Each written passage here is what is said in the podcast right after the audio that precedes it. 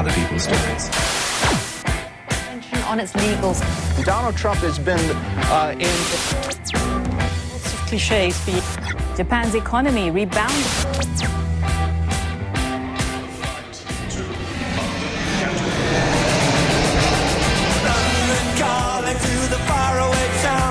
John Carlin, bon dia.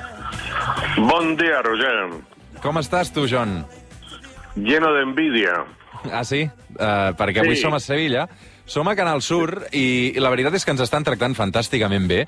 Ens hem llevat molt d'hora, molt d'hora, molt d'hora. Vam anar a dormir molt tard, molt tard, molt tard, perquè hi vam participar també amb els companys de l'11 d'Esport 3 a la tertúlia esportiva de la nit. Però Sevilla, tu saps que és una ciutat meravellosa, uh, John, uh, molt restringida aquests dies, evidentment, per la pandèmia, però, però comencem a viure també una mica d'ambient de clàssics sense aficions, que serà una mica estrany, això, eh? Bueno, sí, muy, muy, muy, más que una mica. Pero, em, ¿no crees, Roger, que ir a Sevilla es una experiencia que haría que un indepe catalán quiz- quizá cuestionase su fe? O sea, yo, yo voy a Andalucía, yo conozco bien Sevilla, Cádiz, Granada, Córdoba, y yo pienso, si yo fuera in- indepe y pasara un poco de tiempo ahí, me preguntaría, ¿realmente quiero em, eliminar este vínculo? ¿Quiero que esto deje de ser parte de mi patrimonio mental? Eso, esa es una de las cosas que yo me pregunto respecto al tema INDEPE, que yo sé que no es muy sustancial, que es el terreno de la imaginación, pero también, bueno, ser catalán es un es terreno de la imaginación, al fin de cuentas. Uh -huh. Uh, en qualsevol cas, uh, avui hi ha aquesta final. Abans estava explicant, John, que estem dormint al, al mateix hotel que els jugadors de l'Atlètic uh, i ahir em, em vaig fixar que uh, estaven sopant gazpacho i raviolis, que és un menú uh, bastant, bastant andalús. Vull dir que els jugadors de l'Atlètic estan agafant forces i s'estan concentrant en, en un hotel uh, també bastant restringit per, per, per la presència. Crec que porten un parell de dies concentrat i crec que és el mateix hotel on van dormir a, a la final de fa un parell de mesos de la Supercopa. Vull dir que suposo que són, volen seguir el ritual i a veure si tenen una Ja. mica de sort.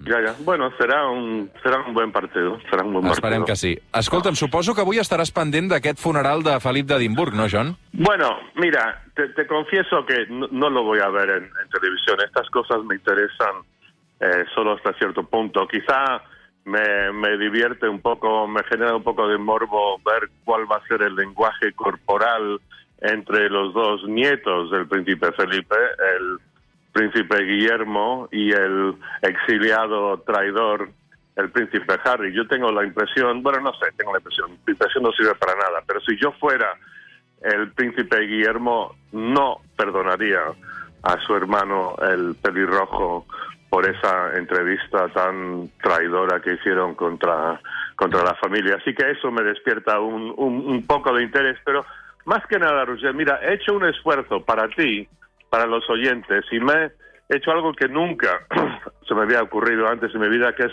informarme un poquito sobre la vida del príncipe Felipe. Y la verdad que es tremendamente interesante. Te cuento un poco de mis, mis esfuerzos aquí que he hecho, los tengo aquí escrito en un papel. A veure, explica'ns, i endavant.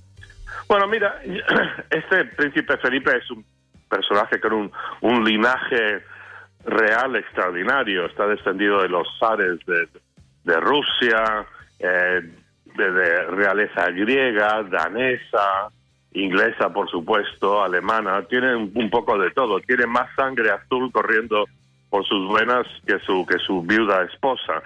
Pero yo creo que también es importante porque nos reímos mucho de, esta gente o los observamos con cierta distancia y creo que, es bueno recordar que también son, son personas, pese a esta cuestión del destino que les puso en un lugar tan extraordinario. Y, y, el, y el príncipe Felipe ha tenido una vida muy dura. Sí, por supuesto que privilegios y, y al final, bueno, después de casarse con la reina se hizo muy rico, ganó la lotería. Pero eso no significa que, que tienes una vida fácil. Y, y para empezar, eh, el padre de- de- del, del príncipe Felipe, el príncipe Andrés, abandonó, lo abandonó a él y a su familia con nueve años. Lo abandonó justo cuando la madre del príncipe Felipe, que era esquizofrénica, la metieron en un sanatorio. Con lo cual, a los nueve años, el príncipe Felipe es básicamente eh, huérfano. Después, eh, su hermana eh, muere en un accidente de avión a los 26 años, en el año 37. Su hermana, la princesa Alicia, si no me equivoco, era nazi, por Dios. Esto era, era la rama alemana de la familia. Y tenía otros hermanos y primos que eran nazis. Y él fue, en el año 37, al funeral de su hermana, de 26 años, y estaba todo lleno de nazis uniformados. Estaba el jefe de la Fuerza Aérea, Hermann Göring, estuvo presente en el funeral. Em, Hitler y Goebbels mandaron ramos de flores, eh, condolencias. Y, claro, y esto y, y, muy incómodo para, para Felipe porque él era absolutamente anti-nazi y después luchó, combatió con mucha distinción, con mucha valentía, ganó medallas en la Segunda Guerra Mundial. Eh, en la ausencia de sus padres desaparecidos por un motivo u otro, eh, su padre de facto fue el, el este señor, el, el Mountbatten, ¿cómo era? El, conde o duque, no sé, el Mountbatten. Mountbatten se convirtió en su padre de facto. Mountbatten lo mató el IRA en una bomba que pusieron en un barquito de pesca donde él estaba en el año 39. Después, curiosamente, eh, Felipe tuvo una relación bastante buena con con Diana, con la princesa Diana.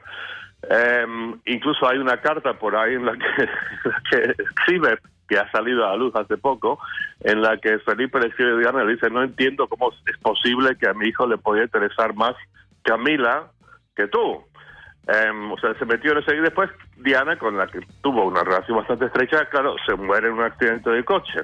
Y bueno, y, y en todo esto el tipo mantiene esa, esa flema inglesa, aunque de inglés tiene poco, y, y como dijimos la semana pasada, cumplió su papel eh, tan encorsetado con bastante dignidad para mantener ahí la, la monarquía británica a flote. Pero bueno, este es el trabajo que he hecho i, i espero que lo encuentres eh, interessant. Eh? Atractiu. Avui, per cert, m'ha sorprès moltíssim que uh, és un funeral on només assistiran 30 persones per les restriccions Covid i és un funeral on el primer ministre Boris Johnson crec que ha hagut de cedir el seu seient i hi ha hagut certa polèmica.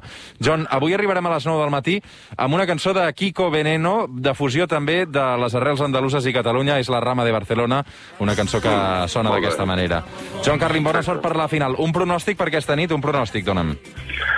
Sí, Barcelona 2-1 y dos goles de Messi. Y que lo pasen muy bien el resto del tiempo en Sevilla, Roger. Salut i ràdio fins les 9. Gràcies, John. Una abraçada. Una abraçada.